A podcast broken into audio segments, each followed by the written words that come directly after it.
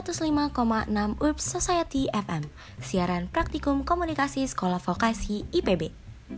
Selamat pagi people semua, apa kabar nih para people? Semoga dalam keadaan yang sehat-sehat aja, sehingga bisa memulai aktivitas di pagi hari ini dengan semangat pastinya.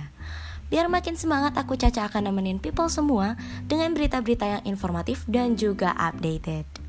Oke, sebagai penyemangat di pagi hari people semua nih, aku bakalan nemenin kalian selama 45 menit ke depan. Pastinya dengan berita-berita yang informatif serta updated untuk para people semua. Dan gak lupa juga lagu-lagu hits minggu ini. Dan untuk para people yang mau request bisa banget nih. Caranya mudah banget. Kalian cuma butuh kuota buat DM Instagram di urbsociety.id Atau langsung aja telepon ke 0213344555 Nah, seperti yang aku sudah mention di awal, aku bakal ngasih berita-berita yang informatif dan juga updated nih untuk para people. Daripada people semua penasaran banget dengan berita pertamanya, langsung aja aku kasih berita pertama pagi hari ini. Enjoy!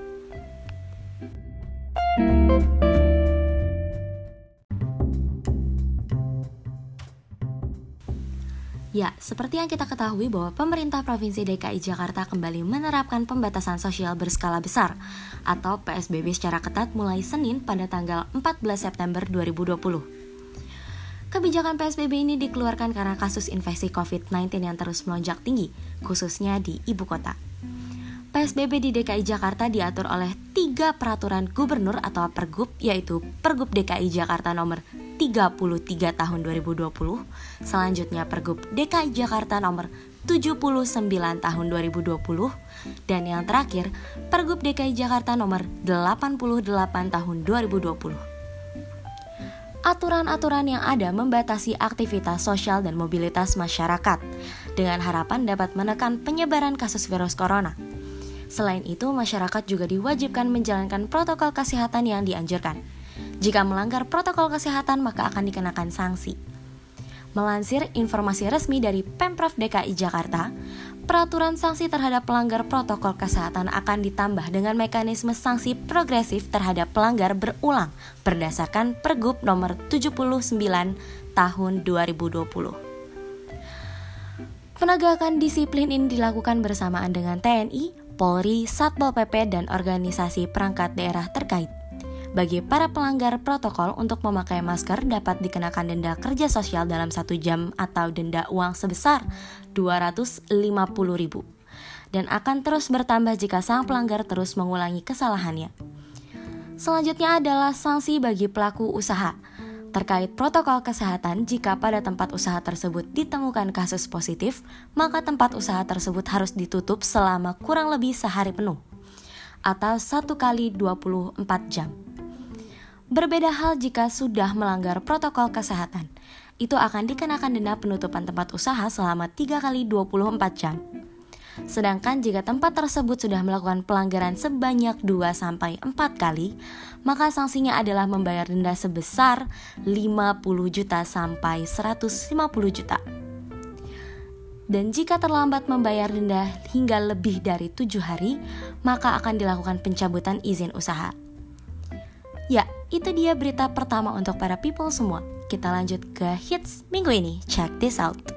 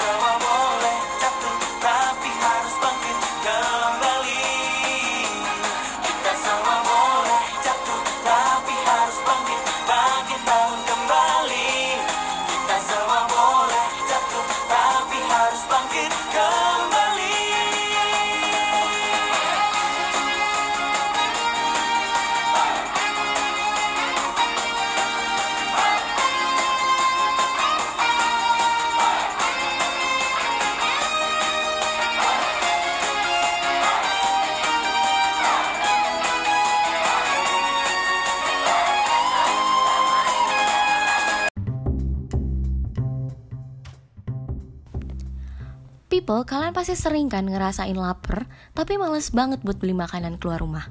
Nah, pas banget nih. GrabFood lagi ngadain promo untuk kalian semua yang lapar tapi mager nih, people. Caranya, kalian tinggal pesan makanan kesukaan kalian di seluruh restoran yang terdaftar di GrabFood. Terus, kalian masukin deh kode promo GrabFood People dan kalian bisa nikmatin potongan harga sampai 60% loh. Promo ini bisa kalian nikmati kapan pun tanpa batasan waktu. Gimana? Udah kebayangkan mau pesan apa? Ayo pesan sekarang juga, karena promo ini hanya berlaku sampai tanggal 1 Oktober aja loh people. Yang belum punya aplikasinya, ayo buruan download aplikasi Grab, tersedia di Play Store maupun App Store.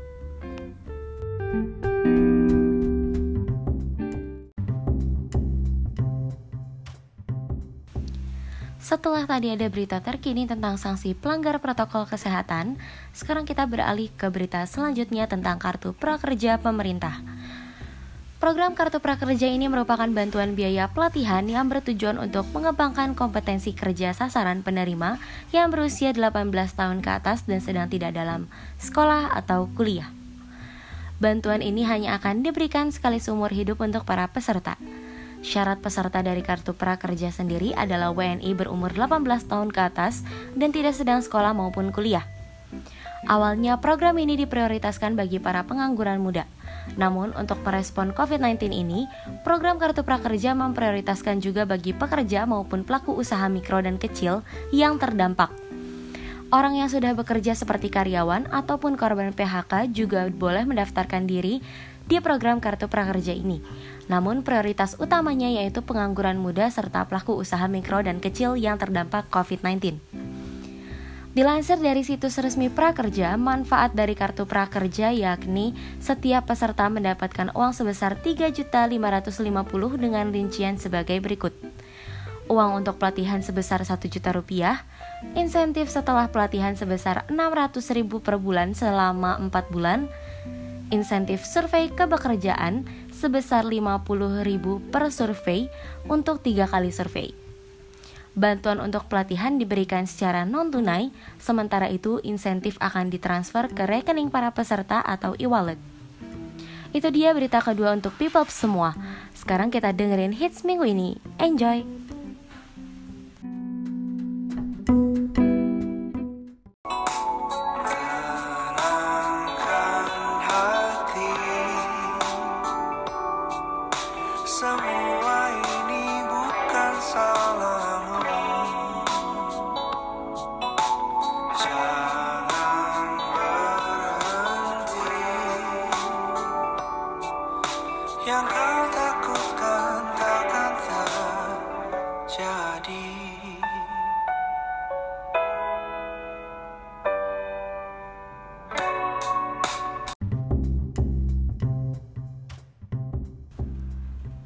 Pedes banget nih makanannya. Kayaknya butuh minuman yang cocok deh buat jadi pendamping makanan. Hmm, butuh minuman yang teh banget sama rasanya nggak manis banget.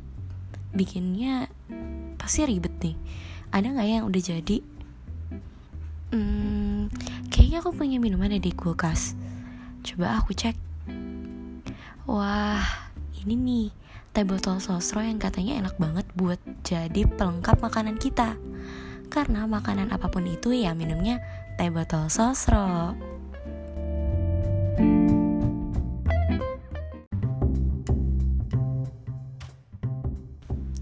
Hai people semua, balik lagi nih sama aku. Setelah tadi aku udah nemenin para people dengan berita-berita informatif serta updated Dan juga hits-hits minggu ini Ternyata gak berasa banget aku udah nemenin pagi kalian selama 45 menit nih people. Tapi tenang aja people, karena weekend nanti aku akan balik lagi dengan berita-berita informatif dan updated untuk para people semua kalau gitu aku pamit undur diri dulu. Tetap semangat beraktivitas pagi hari ini dan jangan lupa gunakan masker serta patuhi protokol kesehatan yang ada. Bye people.